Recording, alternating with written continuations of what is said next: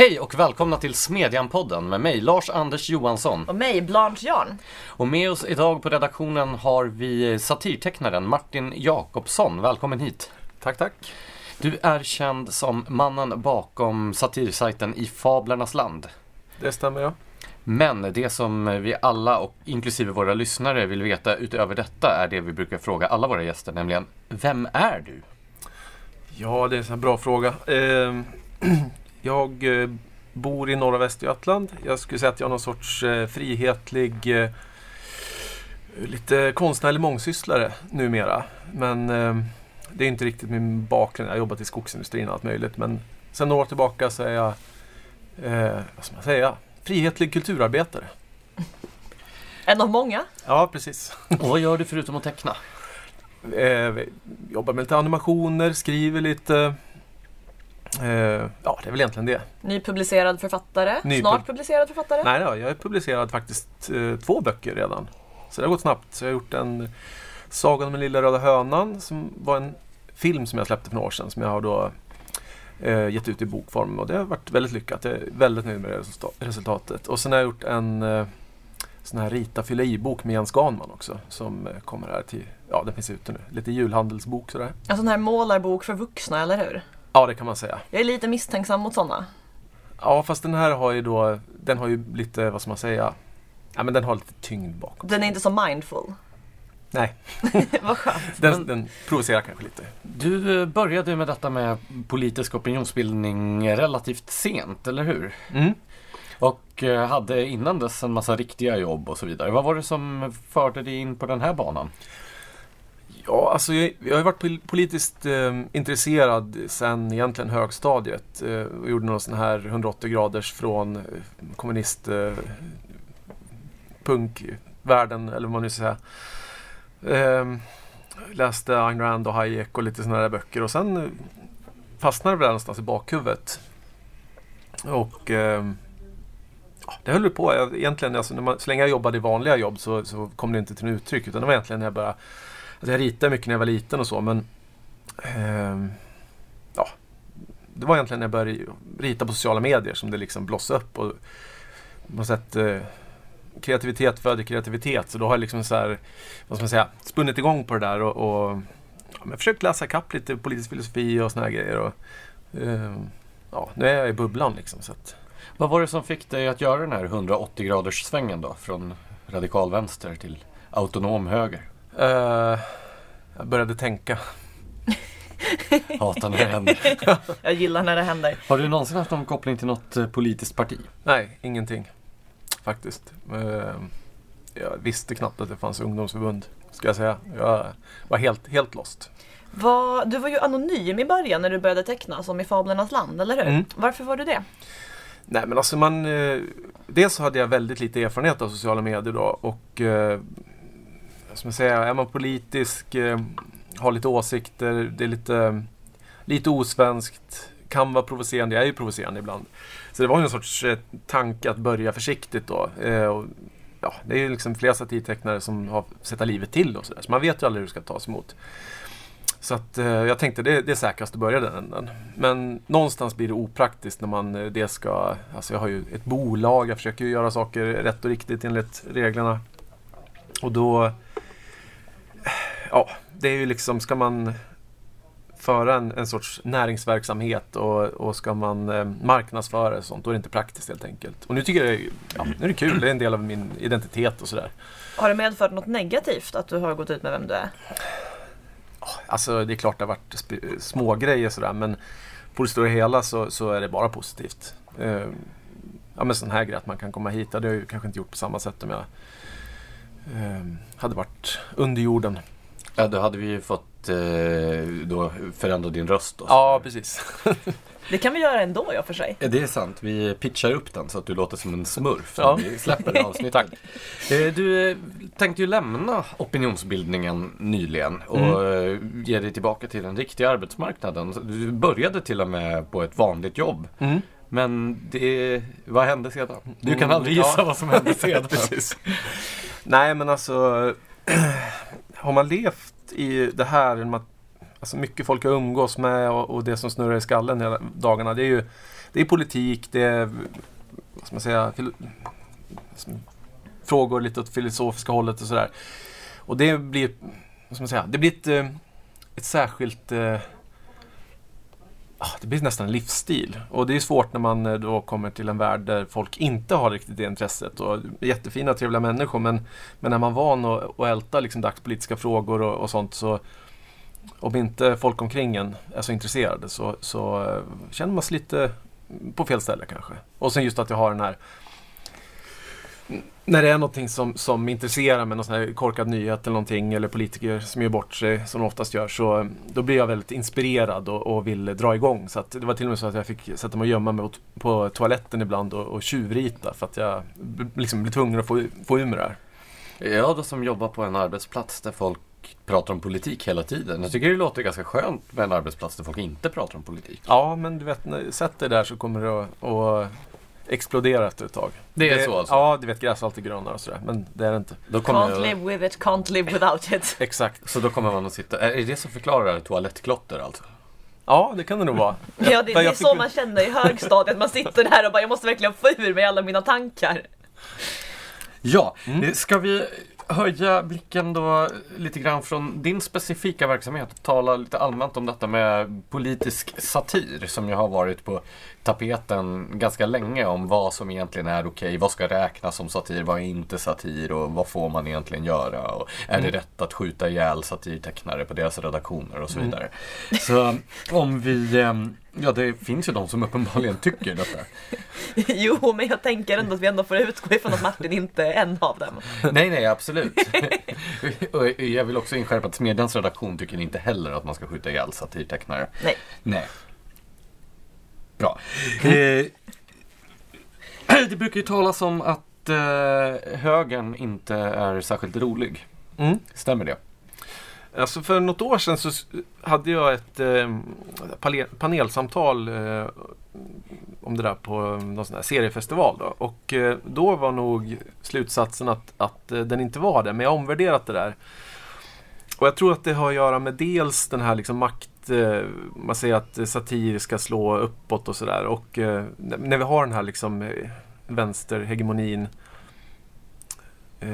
ett långt, jättelång tradition av socialdemokratiskt styre och- hela den här liksom infiltrerade kulturpolitiken med vänsteridéer och vänsterideologi så, så är det ju faktiskt högern som slår uppåt kan man säga. Och sen eh, Alltså de gör ju så många självmål på vänstersidan så, så att eh, det är ju liksom lättare att göra sig rolig över vänstern då, tycker jag i alla fall. Sen någonstans så alla alla fastnar ju, alltså man utgår från sin egen bubbla. Och eh, det är klart att man i den så, så tror man, alltså man talar ju till, till dem i bubblan. Man kan ju få en bild av att vi tycker så här och vi är så här. Men eh, eh ja, det, är, det är svårt kanske att säga om det finns något så här objektivt mått, för det gör det ju inte såklart. Men eh, Ja men vänstern har liksom gått ifrån det här att vara någon sorts eh, slå uppåt eh, eh, rörelse till att vara ganska så navelskådande identitetspolitik. Eh, det, det är massa regler på hur man ska uttrycka sig och vilka man får göra, göra sig lustig över. Så, här. så att det, blir, det blir liksom för krystat. Och man har lite gått ifrån liksom, att ha en sorts politisk analys i sin satir ofta. Jag tycker den handlar mer om det som de, de kan vara duktig på, duktiga på, det är att det kanske mer handlar om så här mellanmänskliga relationer och sånt. Eh, som inte jag gör s- särskilt mycket alls på. Men att de eh, tappar i den, i den eh, eh, vad ska man säga, politiska analysen ofta. Vad tycker du då om eh, ett seriemagasin som Galago till exempel som har mycket politisk satir från vänster? Ja, alltså jag har så dålig koll på, jag lever i min egna bubbla som jag sa. jag jätte, men jag kan, alltså det, nej, men jag, det som intresserar mig med, med i all liksom modern eh, seriekonst och satir och sånt, det är ju liksom, ja det är rent konstnärliga. Och, eh, och jag tycker det är kul, jag har gjort några grejer att jag har försökt eh, lite battla med, med satirtecknaren någon enstaka gång då. Men på vänsterkanten för att få liksom Ja men det kan vara skatter till exempel eller välfärden. Alltså hur, hur ser jag på den och hur ser de på den? Bara för att få någon sorts samtal och sådär. Och det tycker jag är schysst sätt för att eh, Ja men vad ska man säga? Det, det är mer eh, Det tar tid att göra en bild om man får lägga ner mer tanken än på en tweet till exempel. Så att det blir liksom intressantare då. Hur tas det emot? Eh, uppskattas det? Ja, det gör det. Sen tror jag, alltså det blir alltid någon enstaka som, ja men vad tycker den där idioten säger så. Men eh, nej men det är många som uppskattar det. Ehm, Men det här med högern och vänstern. Mm. Alltså, är det inte så att det, vilken sida som är roligast blev en fråga för några år sedan just när högern började bli roligare och vänstern plötsligt kände ett stort behov av att påpeka att högern absolut inte är rolig så ingen Ja. skulle råka tycka att man var kul till höger. Det kan ju vara ett försvar liksom. Eh, och sen är det ju någon sån här, eh, vad ska man säga, gammal, gammal sanning som alla bara tänker. Eh, men det har ju blivit ett, ett eh, framförallt i liksom så här ytterhögern ett vapen. Liksom, med just eh, satir i någon form. Och, en sak som jag tänker kanske borde ligga vänstersidan i fatet men som också nu på senare tid kanske börjar bli en belastning på den borgerliga sidan. Det är ju att de är så arga hela tiden på Mm. vänstersidan. Så gravallvarliga och arga. Och det kan väl inte och kränkta. Och kränkta. Ja. Det kan väl inte vara en bra utgångspunkt tänker jag om man också vill vara rolig. Nej, absolut. Alltså jag, jag tror eh, min, min utgångspunkt, eh, om man nu får säga att jag är rolig då, det är vissa som säger det. Det är ju inte, Du är rolig Martin. Ja, tack. ja, men säger, nej, men alltså, jag tror att ilska är liksom fel, fel känsla att utgå ifrån. Alltså man kan bli irriterad. Men det ska vara mer en känsla av alltså, åh, vad är det här för trams? Eller, eh, och gärna, ja, man ska komma i ett läge att man småfnissar. Då kan det bli en riktigt bra grej. Men det där är så sant. Alltså man hör typ nästan aldrig från höger att sånt där skämtar man faktiskt inte om. Eller Nej. det där kommer ju alltid från vänster. Och om det begränsar sig så mycket kring vad man får skämta om och inte, då är det ju klart att det liksom ja, men skjuter sig själva i foten lite Mm. humormässigt kanske. Och det har ju blivit mycket värre de senaste åren med, med identitetspolitik och sådär. Så att det, de har en ganska liten spelplan och, och, och skämta. Men ska vi ta den frågan då? Anser du att det finns det någonting som du anser att man inte får skämta om? Ja, alltså rent... Eh, ja, det är klart det är så. Dels alltså att gå på personer som inte är offentliga. Det är en sån eh, grej som man klart ska undvika. Man, ska inte, man måste ju ha en... Det måste finnas verkshöjd i det, i det man gör. Alltså det kan ju falla på det, att man, man har gjort ett dåligt skämt. Och sen, Det måste vara lite unikt alltså. Ja, det ska vara någon tanke bakom det. Det kan inte bara vara smutskastning sådär. Eh, men då, alltså ämnen och sånt så, klart vissa religiösa frågor och sånt är givetvis eh, rent av liksom självbevarelsedrift eh, dumma att skämta om. Fast det är två olika frågor. Dels är det så här, vad är okej överhuvudtaget att skämta om? Och sen så här, Mm. var drar du dina personliga gränser för vad du själv Ja, vill det. skämta om? Eh, nej, jag tycker inte det finns något, eh, något som man inte får skämta om. Det, är- det, är liksom, det är kontext och det är hur skämtet är gjort och, och det finns mycket annat. Så att jag tycker inte det finns något som är eh, per definition fel. Får man skämta om Breivik-massakern eller Ja, Förintelsen? Ja, alltså görs det rätt bara. Det är ju en... en eh, ja, det går inte att säga per, bara på den nivån. Liksom. En sak som är vanligt i politisk satir är ju att man eh, förstärker olika särdrag i människors utseenden och så. Mm. Vad går gränsen för hur långt man får driva med en persons utseende anser du? Men jag tycker samma sak där. Det finns egentligen ingen gräns. Eh, men jag personligen då så försöker jag att inte göra det, alltså göra så lite som möjligt. Ibland kan jag försöka då teckna jag är inte jättebra på porträtt, men alltså jag försöker hitta särdrag som är, som är utmärkande och sen kanske förstora dem. Liksom. Stefan Löfvens näsa är ett så här klockrent exempel. Men eh, jag tycker att det kan förstöra lite för att det blir för mycket fokus i bilden på just karikatyren. Alltså det är en annan grej än vad jag försöker göra. Jag försöker mer förklara kanske då eh, själva frågan. Jag är inte så intresserad av att göra mig rolig över någons eh, utan det är mer för igenkänning då som jag använder med attributen. Men det är okej att teckna Ingvar Carlsson som en fot. Ut, det är alldeles utmärkt. Det skulle jag, nu, jag också göra om jag skulle teckna honom. Hur vet man om man sparkar uppåt eller neråt? Ja. Eh, bra fråga.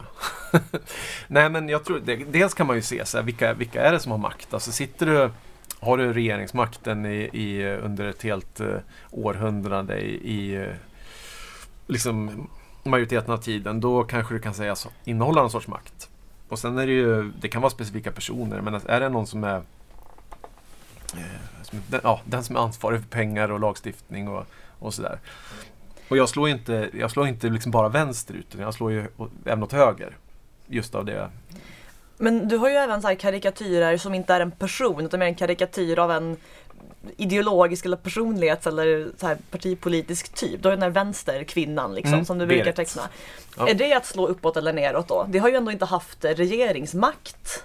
Eller så. Nej men det står väl mer för den här liksom, eh, alltså de idéerna. Hon, försöker, hon symboliserar ju mycket liksom, det postmodernism och feminism och, och eh, vänster. Och, alltså hon har ju vux- vuxit fram då lite organiskt. Eh, första bilden jag gjorde med henne, då var det eh, då var det, en, en, det var på det här med liksom, eh, så här sexualmoral då. att eh, eh, Vänstern idag är ju någon sorts här, frikyrklig händerna på täcket-rörelse. Och, så att då, Förbjuda porr. Förbjuda porr. Ja precis, det var det. Stoppa porren. Alltså att hon står i ett tåg då med, med eh, frikyrkliga eh, då, puritaner och så står hon längst bak och säger stoppa porren. Precis som de gör. Eh, Varför har hon en stövel på huvudet? Det är bara ja, ibland va? Ja, det är ibland. Ja, Alltså, ja. Nej men alltså mycket kan jag liksom göra då att det, det bara känns rätt. så att, så att eh, jag vet inte, jag började egentligen, jag kallar den genusgrodan som är en, en så här liten figur som, det är någon sorts groda som fick en stövel på hu- huvudet först och eh, ballettklänning och såna hoppstylta. Jo, den har jag sett. Ja, och den försökte jag då, jag för, försökte bara liksom formulera hur det känns när jag läste en typ artikel om, om så här vita plåster eller någon sån här navelskådande feministisk fråga. Så där. Försökte illustrera det i en, i en mer abstrakt form. Men du lyckades rätt bra tycker jag Ja, ändå. absolut. Man kan köpa en t-shirt med den också. Den är, En fråga som jag tänkt på det är det här. Är bra satir beroende av att mottagaren håller med om åsikterna? Tycker man att dina teckningar är roligare tror du om man inte delar din uppfattning? Eh, det där är så olika. Det, jag brukar tänka att det finns, eh, alltså dels har du en målgrupp, de som ska gilla bilden. Och sen har du ett mål i de som den riktar sig mot. Och då kan du ju ha att du, alltså du, du gör ett internskämt liksom, för din målgrupp eh, eh, och, och till din målgrupp som mål. Alltså. Men sen kan du ju försöka rikta då, eh, säg att du försöker få din mål, alltså ditt mål, säg vänstern då, eh, att bli lite, vad ska man säga, känna ett lätt obehag och eh, en, en träffande känsla. Eh, det är inte säkert man lyckas med det, men det, det kan vara liksom ett, en strävan då. Och sen ska jag tänka att mi, mina följare, eller de som tycker om, de, de som jag vill vända mig till med själva bilden, de ska veta om då att den här, eh, eller få känslan av att eh, motståndaren blir lite obekväm. Och det är det det finns det roliga, liksom, att man visar upp på hyckleri och sånt där. Eh, Jag ja. tänker på, på mitt debutalbum Vingklipp från 2007 Mm. så har jag en låt som heter Pretentiös som Mm. handlar om pretentiösa kulturmänniskor med liksom radikala åsikter som, de, som attribut. Och eh, det som var lite lustigt när den skivan släpptes var att det var just den typ av personer som karikeras i den sången som tyckte så här Det här är en jätterolig låt. Jag känner Ah. jättemånga personer som är precis sådär. Ja, jo men det kan nog vara så. Eh, absolut. Sen finns det ju liksom olika grupperingar. Jag vet, eh, jag hade några liksom eh, leninister som tyckte det var jättebra att jag gick på identitetspolitik och, och ja. Så Men det är så här oväntade... eh, Oheliga allianser då. Ja, men lite så. Sen blir ju skämt ofta lite så extra roliga om den udden är riktad mot inte fattar att man driver med den. Exakt. Ja. Det finns ju liksom en sorts Ja. metahumor i det. Men alltså jag tänker på det här, du nämnde ju att du inte är partipolitisk. Eh, och sen när jag tänker efter så är det extremt få partipolitiska personer som är roliga som jag kommer på. Mm. Kan man vara rolig om man samtidigt ska vara lojal mot ett parti? Inte helt lojal, det tror jag inte man får vara. Alltså, sen, sen självironi ironi kan ju vara kul och bra sådär. Men, men jag tror man, där är det samma sak, man blir väldigt begränsad. Och, Tror och du man får vara för självironisk i ett parti? Då? Nej, alltså det, det, det är ju ganska s- så här strama tyglar. Och sen, nej men man blir lite inskolad också i ett tänk. Eh, och sen är det de som är poli- partipolitiska är ju, det är mycket mer realpolitik. Jag kan ju, ja, jag tar ju liksom andra, andra svängar ibland. Då. Men vilka skulle ramarna. du säga är roligast? Alltså både till höger och vänster i Sverige just nu? Gud. Bra fråga. Jag tycker ju, om man tar, tar de här opinionsbildarna och, och de som är i den här lilla bubblan, då tycker jag väl Arthur Hule tycker jag brukar vara kul för, ibland faktiskt. Han, han kan liksom spinna till det. Eh, vilka mer är det? Ja, Snårspotting tycker jag kan vara dräpande. Twitterkontot. Ja, precis. Eh, ja, det var en bra fråga på vänstersidan. Herregud. Alltså de trampar i klaveret. Då skrattar man ju gott. Så att det är väl någon sorts så här, jag vet inte. Men alltså, nu om vi räknar bort lyteskomik. Ja, Vilka satirtecknare tycker du är bäst? det är samma sak där. Jag har ju liksom noll koll. Jag, det här... ja, men det är så. Jag började ju inte med tanke på att jag skulle bli satirtecknare utan jag började teckna och sen sa folk att jag var satirtecknare. Så att, eh, ja, fruktansvärt. Jag har faktiskt frågat i ett så här, så att, eh, serietecknarforum, så här, vad finns det? Men enligt legenden så var min farmor vän med EVK så att eh, då får jag väl säga honom då. Alltså det är så befriande hur öppen du är med den här bubblan du lever i. Ja. Det är så här, du låtsas inte ens. Nej men alltså det funkar ju. Jag, jag, jag svävar runt, kör bara. Men att eh, då göra politiska teckningar från höger, blir inte det lite paradoxalt med tanke på att den borgerliga inställningen till kultur är ju generellt sett att kulturen då ska vara en sån sfär som ska befrias från politik? Ja, möjligtvis. Men jag, ja, jag vet inte. Det finns ju en lång tradition av liksom, eh, högersatir, eh, av det lilla jag vet om det. Nej men alltså det är ju inte någonting som är, är eh, exklusivt för vänstern och, och så. Och... Eh, men vore det så mycket bättre Alltså, jag- för kulturlivet om vi fick bara en spegelbild med plakatteater från, som handlar om hur bra det är med jobbskatteavdrag och sådär? den skulle bli lite krystad då kanske. Ja, Fast det är väl skillnad mellan så här politiskt styrd humor och humor som driver med det som händer i politiken. Det är två helt Ja, olika och saker. alla politiker behöver ju ha någon som har liksom, eh, koll på dem. Så att det, det har jag ju tänkt nu då, hur, hur kommer det politiska landskapet att förändras om, om det blir eh, potentiellt en borgerlig regering? Nu är inte jag borgerlig i den bemärkelsen, men, men jag säger ja men det är ju ett nytt pers persongalleri och, och jag är rolig, så rolig över. Så jag börjat träna lite på Kristersson och, och gänget och lite mer. Men nu, nu får jag ju liksom då vänta och se vad som händer. Så att, Kommer det komma en höger-Berit också? ja, det är en jättebra idé. Fasiken, henne ska jag utveckla. Ja. Jag ser fram emot resultatet. Fast det blir inte Berit, vad ska hon heta? Ja, nej, det får jag. Har du några konstnärliga eller kulturella ambitioner bortom den politiska satiren? Ja, det har jag. Dels så tycker jag ju att skriva är en sån här grej som jag har börjat göra mer och mer. Men eh, jag kan även tänka mig lite ah, med så här metagrejer, alltså göra konst, ja, så här, vad ska man säga, In, ja, konstaktioner kanske på något sätt.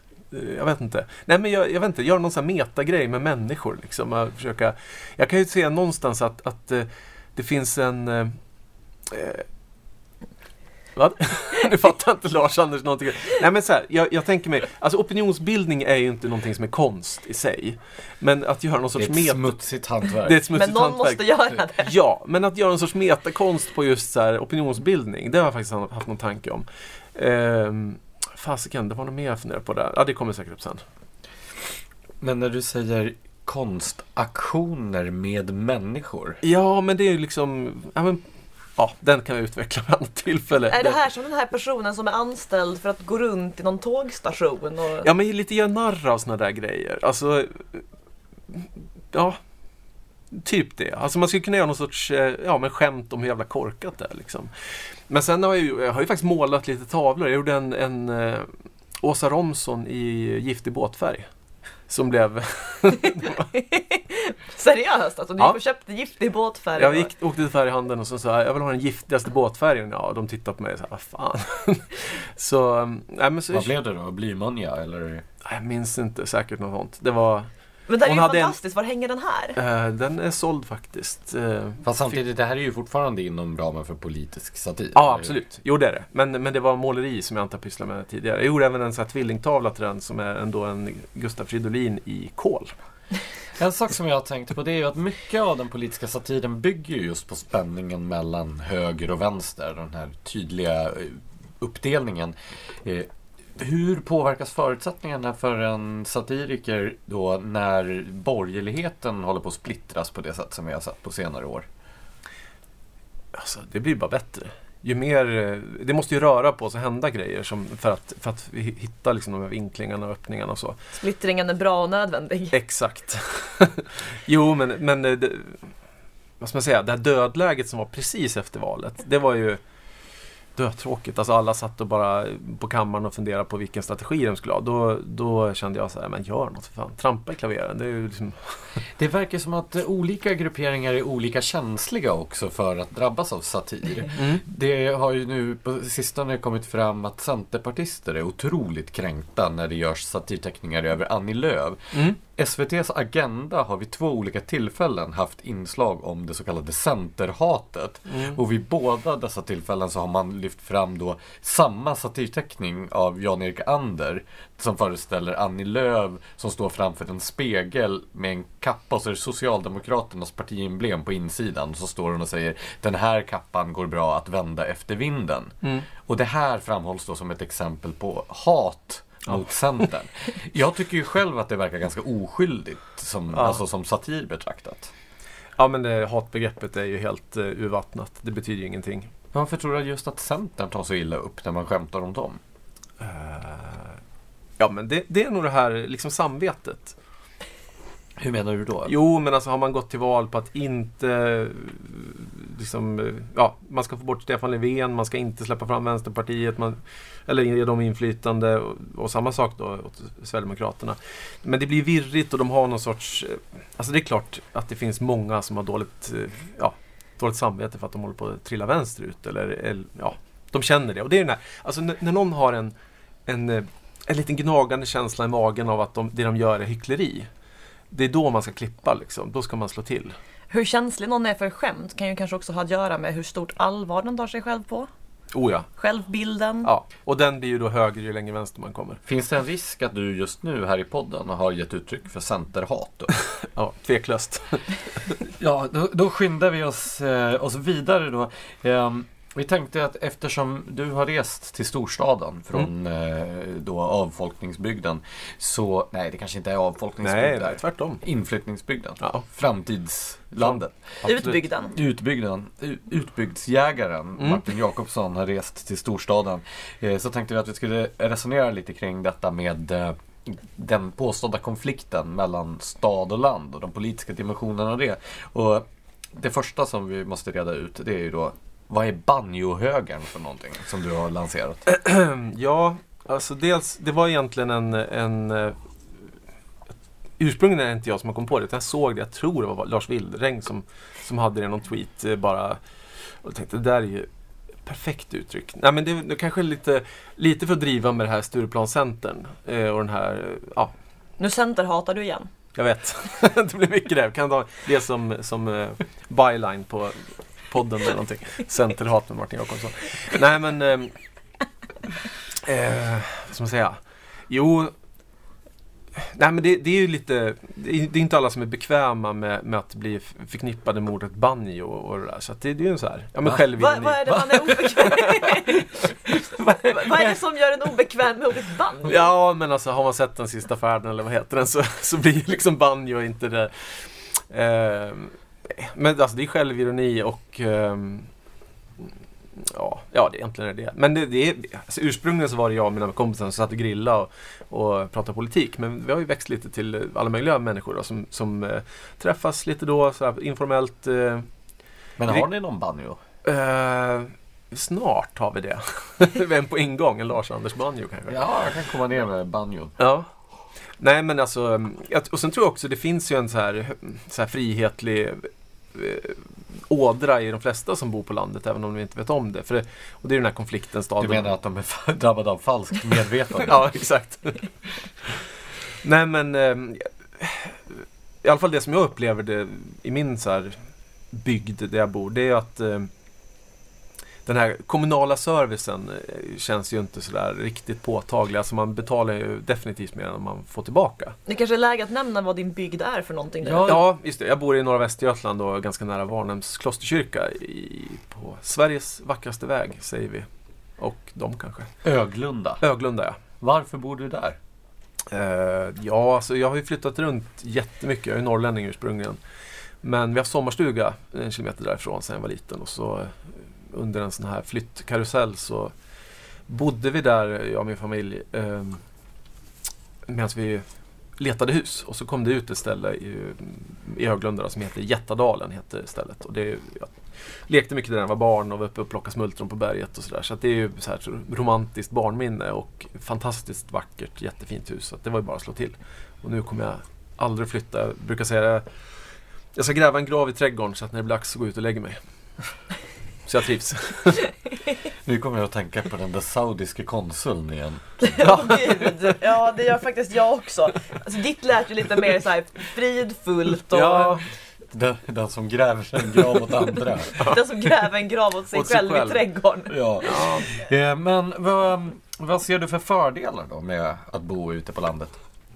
Alltså just i den här min yrkesutövning så ska jag säga, dels får man en överblick. Alltså man, man sitter inte i, i det här eh, Kafka-liknande politiska spinnet som är i, i Stockholm. Man kan, man kan sitta på sitt hörn och få en liten så här örnblick över allt trams som händer. Och sen är det ju rent så här, det är ju lugnt och skönt. Det är ju fantastiskt bra.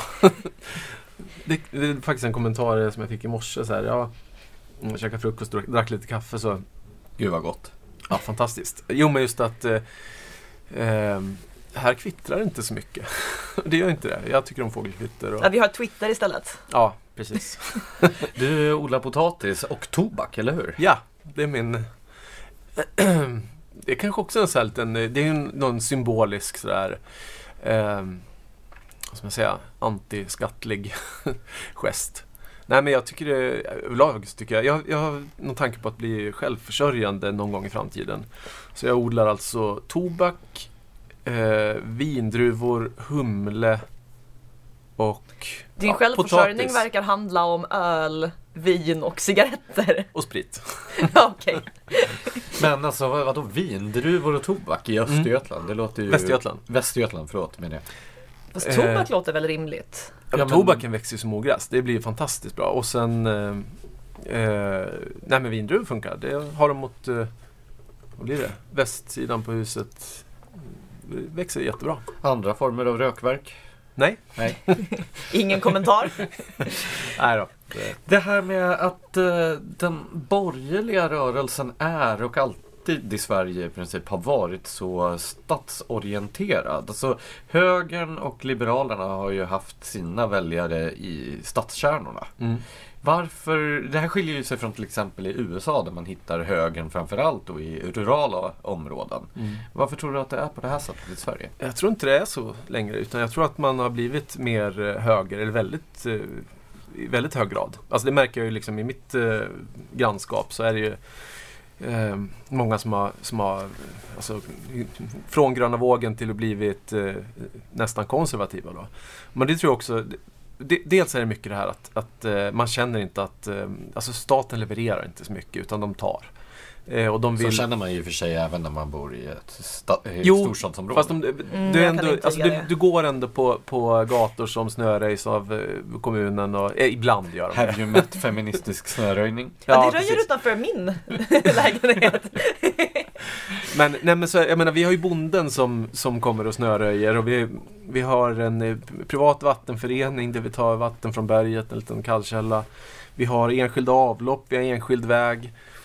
Eh, ja, Det kanske finns en känsla på landet av att man kan klara sig. så är det. Och sen, Medan man ju inte riktigt kan det om man bor mitt inne i Stockholm i en lägenhet. och sen äger man sin mark. Och det tror jag är en sån här grej. Alltså äganderättsfrågan blir ju påtaglig när liksom Länsstyrelsen kommer och kryper i buskarna och, och jävlas med en och sådär. Rätt bokstavligt också, eller hur? Ja, ja, bokstavligt. Visst var det så att kommunen ville tvångsansluta dig till vatten och avloppssystemet? Nej, egentligen så var det så att det var en, en, eh, då en, en vattenförening som... Nej, det stämmer faktiskt inte riktigt. Eh, Det låter ju vidrigt. Men de gör ju det på många platser. Eh, Så det, det var det vi var lite rädda för, att det skulle bli en sån, en sån tvångsanslutning. Men jag har lyckats krångla mig ur det där så att jag får behålla mitt... eh, eh, Ja, det ska väl uppgraderas då, men- men eh, mitt eh, enskilda avlopp. Men om nu eh, högern liksom växer sig starkare på landet. Tycker du, eller hur tycker du partierna är på att här, kapitalisera på det här och göra någonting av det? Alltså om jag ska då kanske ge lite center-cred då för att balansera upp det här så, så har de faktiskt i den här kravlistan till Stefan Löfven så har de ju äganderättsfrågan som en, en tydlig punkt och det tycker jag är fantastiskt. Det är ju någonting som jag har jobbat för länge. Det, um, ja, jag har ju det här projektet Egendomligt då, som, som handlar om just så här äganderättsfrågor i skogs och lantbruk. Och det föddes faktiskt uh, utifrån uh, det här länsstyrelsen ligger och kryper i buskarna. Jag kan ta exemplet då. Det var en, en granne som hade röjt ur en bäck som var Uh, det hade liksom korna varit och trampat ner, det växte massa sly och, och sen då eh, åkte han på ett vite på ganska mycket, många tusen då för att det potentiellt kunde bo någon liten grodart där. Och, och det är ju sån här Alltså det, det kommer väl någonstans från Bryssel som någon kommer på att den jäkla grodan är utrotningshotad. Vilket den säkert inte är. Och sen eh, har de smugit runt i buskarna och fotat den där. Och, alltså, ja, det är rent vansinnigt. Det är, något, det är något så provocerande med att ställa så här människors egendomsintressen mot en grodas intressen. Ja, lite så. Fast vi har ju exempel då på den här senaste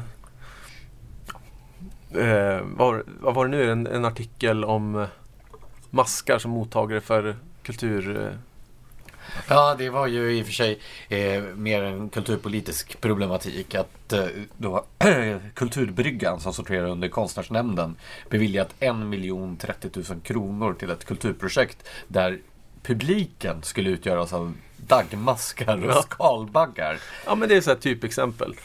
Men om vi återgår till landsbygdspolitiken. Mm. Vad, vad skulle du säga är de viktigaste frågorna om du skulle upprätta en politisk önskelista? Vad, vilka reformer skulle du vilja se för att underlätta för livet på landsbygden? Ja, det är äganderättsfrågan. Och mer konkret, vad... Ja, men alltså du ska få råd din mark och det ska inte eh, Ja men de här, framförallt det här med, med eh, nyckelbiotoper i, i skogsbruk som gör, gör eh, skogsmark eh, värdelös. Eh, också väldigt ad hoc. Eh, begränsar den här myndighets, eh, tjänstemannaaktivismen som det finns utrymme för. Just, Kan du ge exempel på vad det är för?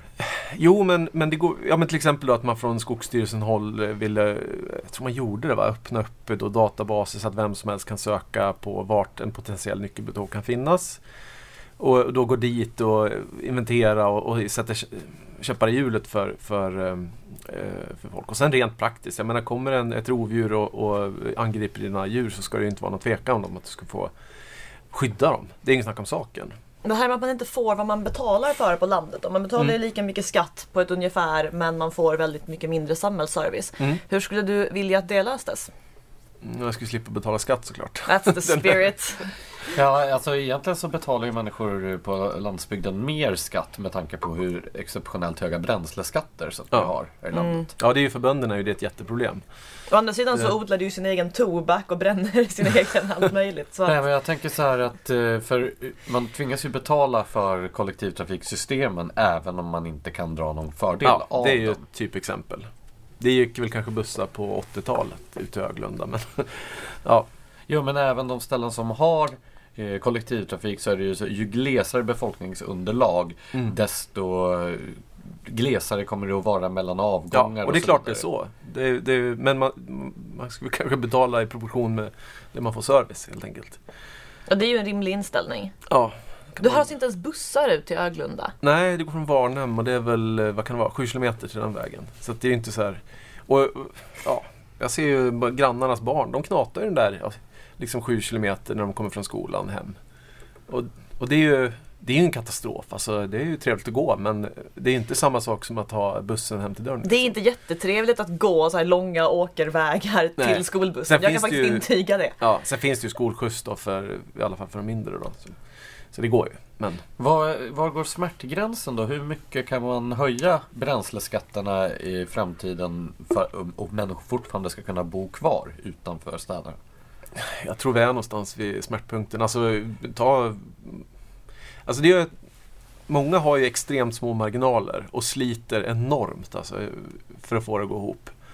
Så att... Eh, nej men det är just det, de, de måste kunna ha en buffert. För nu, ta torkan till exempel, det snack, nu har de inte fått ut det stödet men det är kanske bättre att då låta duktiga lantbrukare bygga sina verksamheter så att de blir lönsamma istället för att behöva komma med någon sorts krisstöd bara för att det blev liksom fel väder en sommar. Men just den här Att, eh, bensinskatten är en så konstig idé för att folk fattar ju inte att om man bor så här sju kilometer från en buss som du gör då kommer man ju inte välja bort bilen hur hög skatten än blir. Nej. Man kommer ju välja bort någonting annat. Ja. Ja men så är det. det Eh, Ett annat område som regleras allt mer det är ju jakten. mm. Där, jag tror det var nå- 1989 blev det obligatoriskt att ha jägarexamen innan man fick vapenlicens för, för jakt. Eller Mm. för att få jaga överhuvudtaget. Eh, vad, vad tror du, hur påverkas jaktintresset och människors möjligheter att jaga av den här ökade mängden regleringar? Eh, jag tror väl överlag så har väl intresset eh, ökat, men det är väl mer i städerna, tror jag. Alltså folk som tagit jägarexamen, för att, dels för att kunna äga vapen, men och, och det finns ett, ett intresse, dels för att det är något sorts genuint och sådär. Men nej, men alltså det är ju... Det, det är så här liksom patetiskt ibland när det Ta morkullejakten som, som eh, fan var det, det var någon sosse som, som eh, drev igenom det, det, det förbudet då, men, eller förslaget då. Eh, med motivationen att det ska vara tyst i skogen. Och det känns ju så här, eh, ja. Vilken konstig motivation! ja. Och det var ju sån här, en liksom väldigt lång tradition av, av ehm, eh, jakt på, på sträckande morkulla som inte har, uppenbarligen inte har förstört beståndet. Så, så det, det, ja, överlag, det,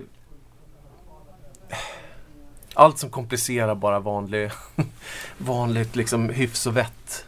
Att man ska behöva liksom eh, man, man är inte betrodd att ta ansvar. Det tror jag stör väldigt många. Framförallt när man är så långt ifrån. Eh, alltså man rår sig själv i allting. Eh, och då när det kommer liksom ytterligare regler på hur man ska rå sig så är det bara provocerande.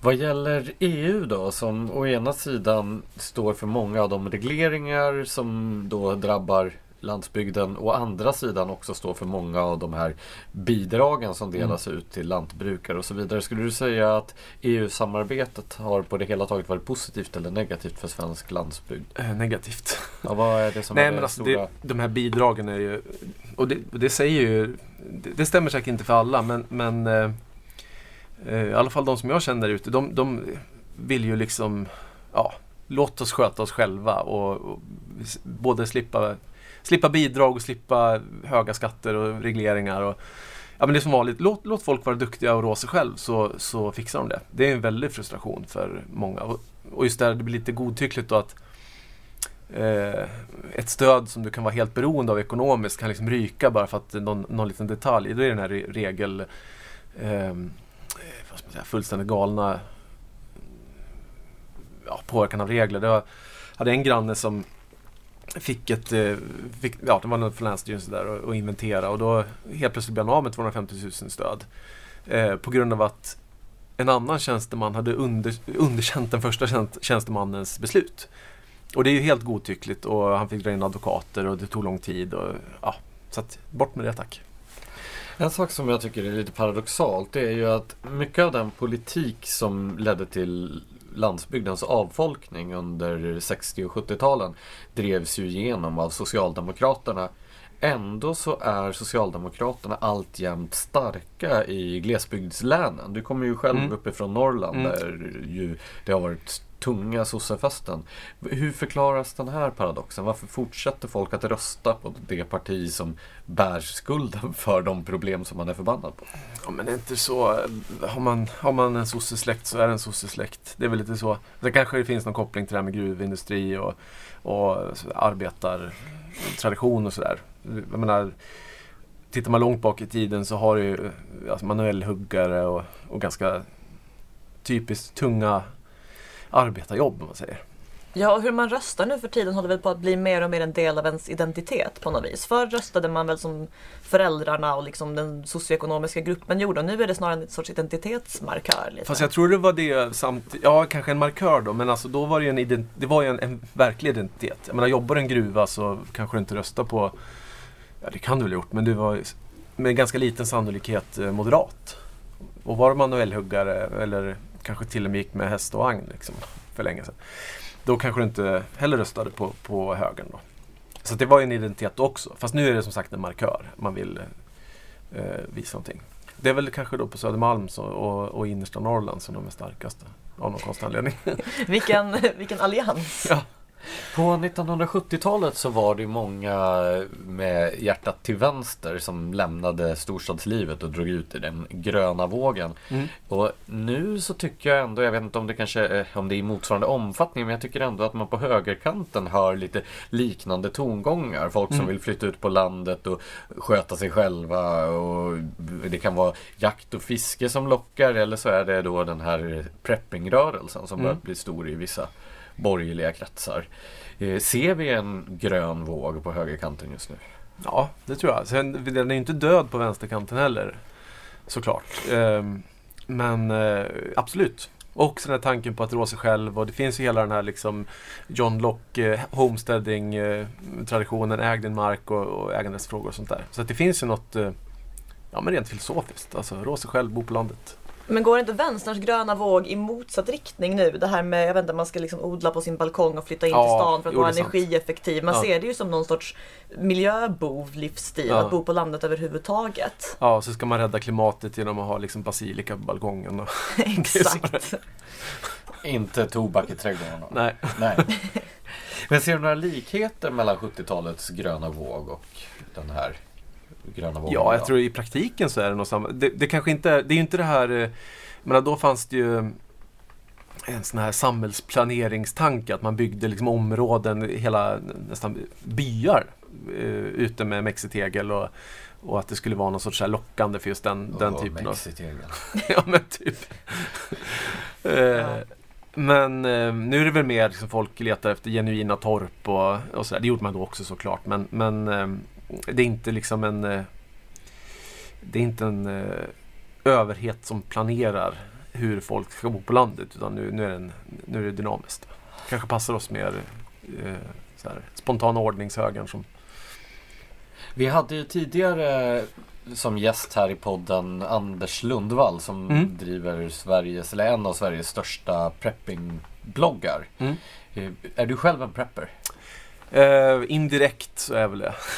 Hur är man en indirekt prepper? Nej men alltså har man, det är ju det här, har man eh, kallkälla med självtryck och sådär, då har man vattnet fixat. Och det är en sån här tanke såklart. Man, jag har till exempel då bekanta som inte har det självtrycket och, och är det nå de fyller ju upp badkaret när det blir strömavbrott och ja.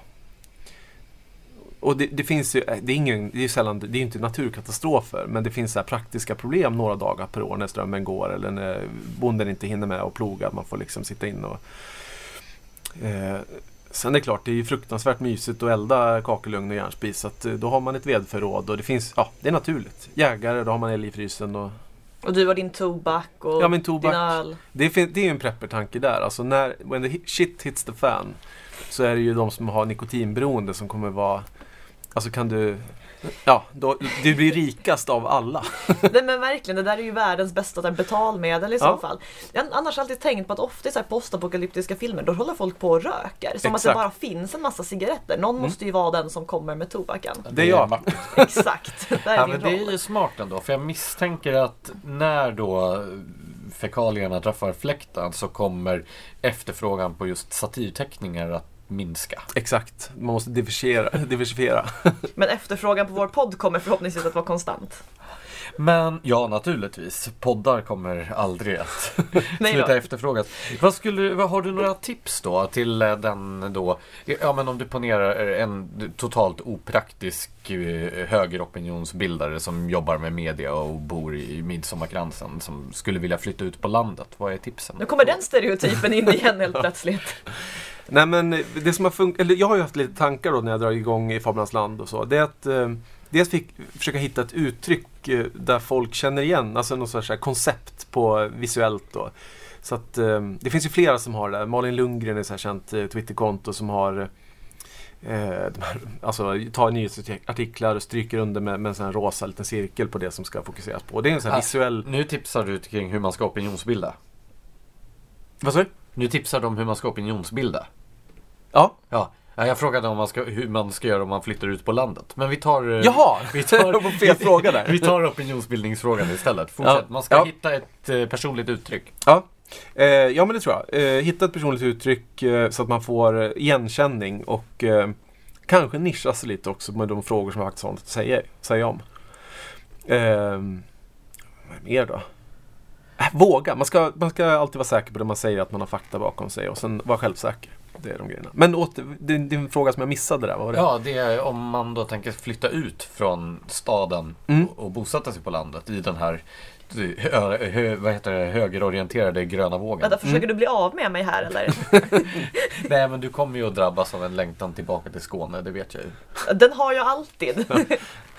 Ja, men, ja precis. Vad kallar det? Bulle i bulle eller vad var det Bulle något? med bulle. Ja, just det. Det är Är den det bästa något skånska. obscent? Ja, det är sent. Det är något. Det är en fantastisk skånsk tradition. Du kommer att eh, bli varse det nästa Bulle med bullens dag.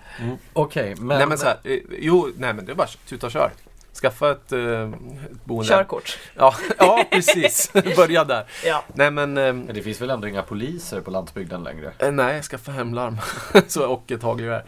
Men, eh, eh, nej men det är alltså, man måste ju lösa det praktiska med jobb och sånt där. Men då kan vi bli sat- satirtecknare.